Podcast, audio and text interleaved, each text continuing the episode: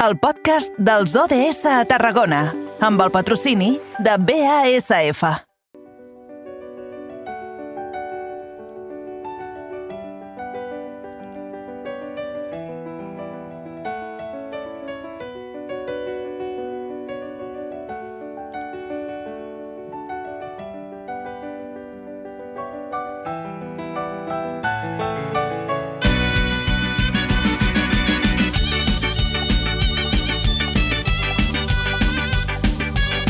I ara sí, amb aquesta música de fons, encetem la tercera hora del programa parlant dels ODS, dels Objectius de Desenvolupament Sostenible. Ens centrarem en l'ODS número 13, que ens parla de l'acció pel clima. Concretament parlarem d'un tema molt, molt uh, polèmic, l'actualitat de la qualitat de l'aire i d'un model matemàtic que permet estimar l'impacte dels diferents tipus de transport en la qualitat de l'aire a Barcelona. Però aquest model sorgeix de l'equip investigador del Departament d'Enginyeria Mecànica de la URB i el grup de recerca Ecomfit, liderat per l'Alexandre Fabregat. Aquí tenim ara mateix els estudis de Radio Ciutat de Tarragona. Bona tarda, senyor Fabregat. Hola, molt bones. En primer lloc, per anar-nos situant, que sempre les mates són complicades, d'on neix una sinergia entre la Universitat de la URB i el grup de recerca Ecomfit? No, el grup de recerca Confit forma part del, del, forma part de la Universitat Rovira i Virgili. Uh -huh. És, és un grup de recerca dins de la universitat. És un grup especialitzat, no? Sí, en principi treballem en temes de uh, dinàmica de fluids, però també recentment hem encetat una línia de recerca sobre anàlisi de dades i aprenentatge automàtic, intel·ligència artificial i, artificial i demés justament eh, d'això parla aquest eh, model matemàtic que ens permet conèixer l'impacte dels diversos tipus de transport. Um, breument, ens podria fer un resum de com funciona això i que, quines dades permeten de que sapiguem la qualitat de l'aire? Sí, la, la idea bàsica és molt, molt senzilla. Un vol entendre eh, en quin grau cadascun dels modes de transport, el tràfic rodat, en cas que hi hagi un port, el tràfic marítim o el tràfic aeri en cas que hi hagi un aeroport, afecten els nivells de contaminació que hi ha a la ciutat. No? Qui és responsable dels increments dels contaminants? No? Són els cotxes, els motos, són els vaixells, són els avions... Això tradicionalment s'ha fet eh, durant molts anys, el que passa és que les eines tradicionals requerien tindre, per exemple, una informació molt detallada de quina quantitat i a quin ritme emetien cadascun dels contaminants cadascuna d'aquestes fonts, i algunes de les fonts, com per exemple els cotxes, són mòbils. No? I per tant, era l'aproximació clàssica necessitava d'aquesta aquesta espècie d'inventori, d'un inventari d'emissions que és relativament difícil d'obtenir. Nosaltres el que plantegem és una alternativa en aquesta aproximació i vam agafar el cas de Barcelona perquè per al cas de Barcelona tenim una gran quantitat de dades. Tenim dades sobre la densitat de tràfic rodat, tenim dades sobre el nombre de vaixells que tenim al port, tenim dades sobre el nombre de moviments a l'aeroport, Tenim, per tant, una gran base de dades, també coneixem, hi ha diferents estacions repartides per l'àrea metropolitana de Barcelona que ens donen informació sobre els nivells de contaminants per a diferents espècies químiques, i el que tenim també és informació sobre la meteorologia, que juga un paper molt important també en el transport, en la dispersió dels contaminants. No? Per tant, vam agafar totes aquestes dades i el sistema el que fa és intentar aprendre com depèn la, el nivell, la concentració de contaminants en un punt donat en funció de totes les altres variables, la direcció del vent, la velocitat del vent, el nombre de vaixells que tinc al port, la intensitat del tràfic, etc. No? Per tant, una vegada tens aquest model, el pots interrogar per a demanar-li quin és el rol que juga cadascuna d'aquestes variables en la concentració d'un contaminant en concret en una posició determinada de la ciutat. Aquesta és una miqueta la idea bàsica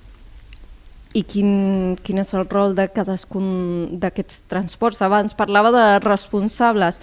Qui és el responsable més contaminant i Bé, el que menys? Exacte. Bé, nosaltres el que fem és, nosaltres podem fer prediccions del nivell de concentració. És a dir, nosaltres no, no, no tenim informació, no busquem informació sobre les emissions, sinó el que volem és, en un punt donat de la ciutat, on tenim dades de concentració, intentar esbrinar com aquesta concentració depèn de la quantitat de cotxes que hi hagi circulant prop d'aquesta estació, el nombre de barcos, el nombre de vaixells al port, el nombre um, d'avions um, a l'aeroport, etc. No?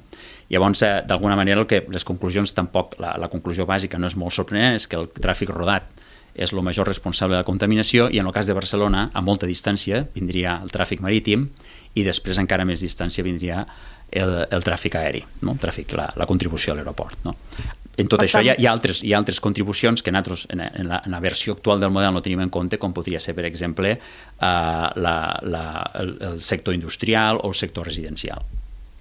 Per tant, uh, cotxes, avions i llavors vaixells. En el cas de Barcelona serien cotxes i molt més lluny uh, vaixells i, i, i molt més lluny encara uh, els avions. No? Això és per al cas de Barcelona.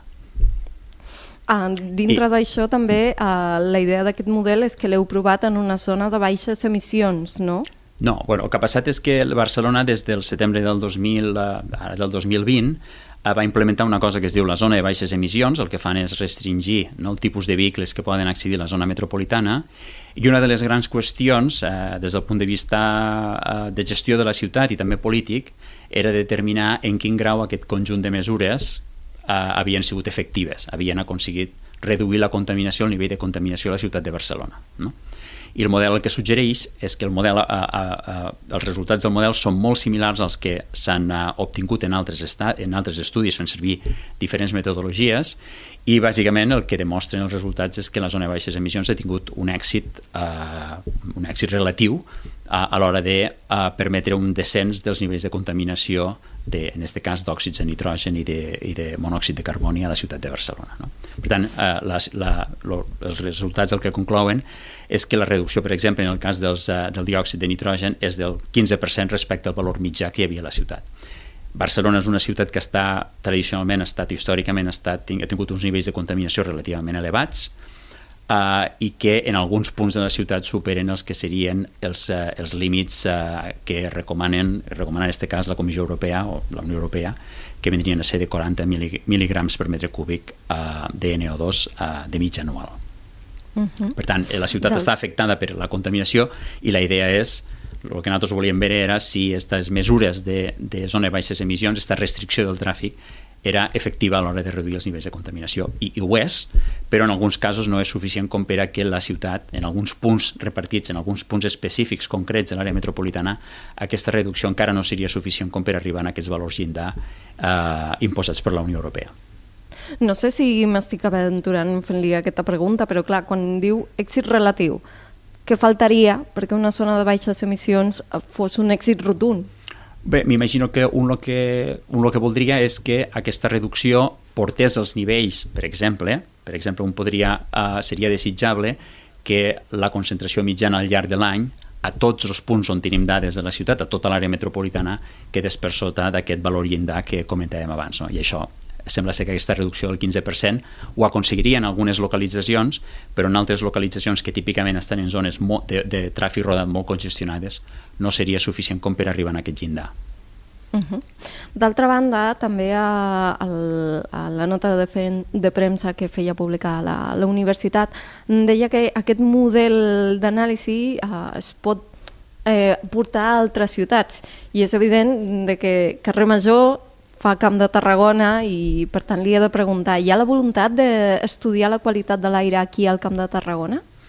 En, principi eh, estem oberts a fer-ho, i tant que sí. Uh, de fet, la, la nostra idea inicial era fer-ho a Tarragona. El problema que ens enfrontem és que, uh, a diferència de Barcelona, a Barcelona hi ha un, un portal de dades obertes, hi ha un, una s'ha fet un esforç uh, significatiu per recollir i fer i posar a disponibilitat de la gent dades de moltes diverses natures. No? Eh, per això inclou la concentració de contaminants, que també la tindríem a Tarragona en alguns punts, eh, tenim també el tràfic al port, que també el tindríem en el cas de Tarragona, el tràfic aeri en el cas de Tarragona no sabem fins a quin punt l'aeroport de Reus quedaria suficientment lluny com per a tindre un paper rellevant, però definitivament no tenim cap tipus de dades, eh, dades i quan parlem de dades volem dir moltes dades, no? dades de molta resolució numèrica, eh, no, molta resolució temporal, voldríem saber a molts de punts de la ciutat de Tarragona, cada hora, quina és la quantitat de cotxes que hi ha. Això seria idealment el que busquem. No?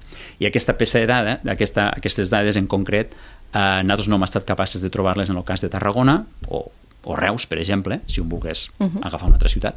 I, per tant, sense aquestes dades, que, com hem comentat, són molt rellevants perquè el tràfic rodat sabem que és el responsable, o un dels grans responsables, o el major responsable dels nivells de contaminació a la ciutat, sense aquest tipus de dades la nostra aproximació al problema uh, és, és, és complicada. No? En el cas de Barcelona aquestes dades sí que existien i, per tant, han pogut han pogut portar a terme a, aquest estudi. No? Però, evidentment, estem, estem sempre...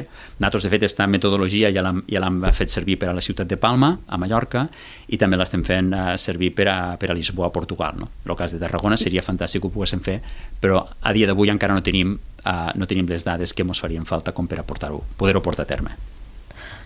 És, uh, per tant, responsabilitat de, de les entitats municipals o, o de qui, qui hauria de portar aquestes dades i de facilitar-vos-les? És, és una pregunta que no, no, no et sabria contestar. Uh, en el cas de Barcelona, que totes aquestes dades, o les dades en concret de tràfic, pengen d'un portal que es diu uh, Barcelona Open Data, si la memòria no em falla, o Open Data BCN, o una cosa per l'estil, no? I són responsabilitat, si no m'equivoco, són uh, sorgeixen de l'Ajuntament. I aquí em podria equivocar, eh? l'Ajuntament de Barcelona tant, entenc que d'alguna manera les institucions públiques del Camp de Tarragona doncs serien les, possiblement les persones o, o les institucions no, mm, responsables o, o, o més adequades com que per a, per a d'alguna manera recopilar aquest tipus, este tipus d'informació. No? Hi ha vies alternatives per aconseguir-les, que les estem explorant, perquè molts de cotxes, molts d'usuaris fan servir uh, diferents tipus d'aplicacions, i aquestes aplicacions el que estan és contínuament, contínuament recollint dades no? dels viatges que fa, que fa la gent, i per tant uh -huh. estem explorant la possibilitat de que en un moment donat eh, poguéssim bypassar, diguéssim, no? Aquesta, aquestes, aquestes institucions públiques i intenten d'alguna manera aconseguir les dades via eh, una, una, una, a través d'una via alternativa, però això encara, està, això encara està per a veure si és possible.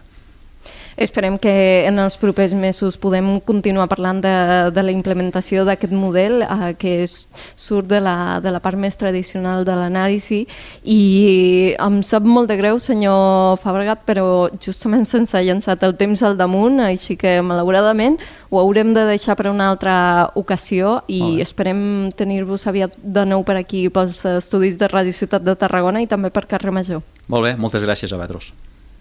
Fins, fins una altra.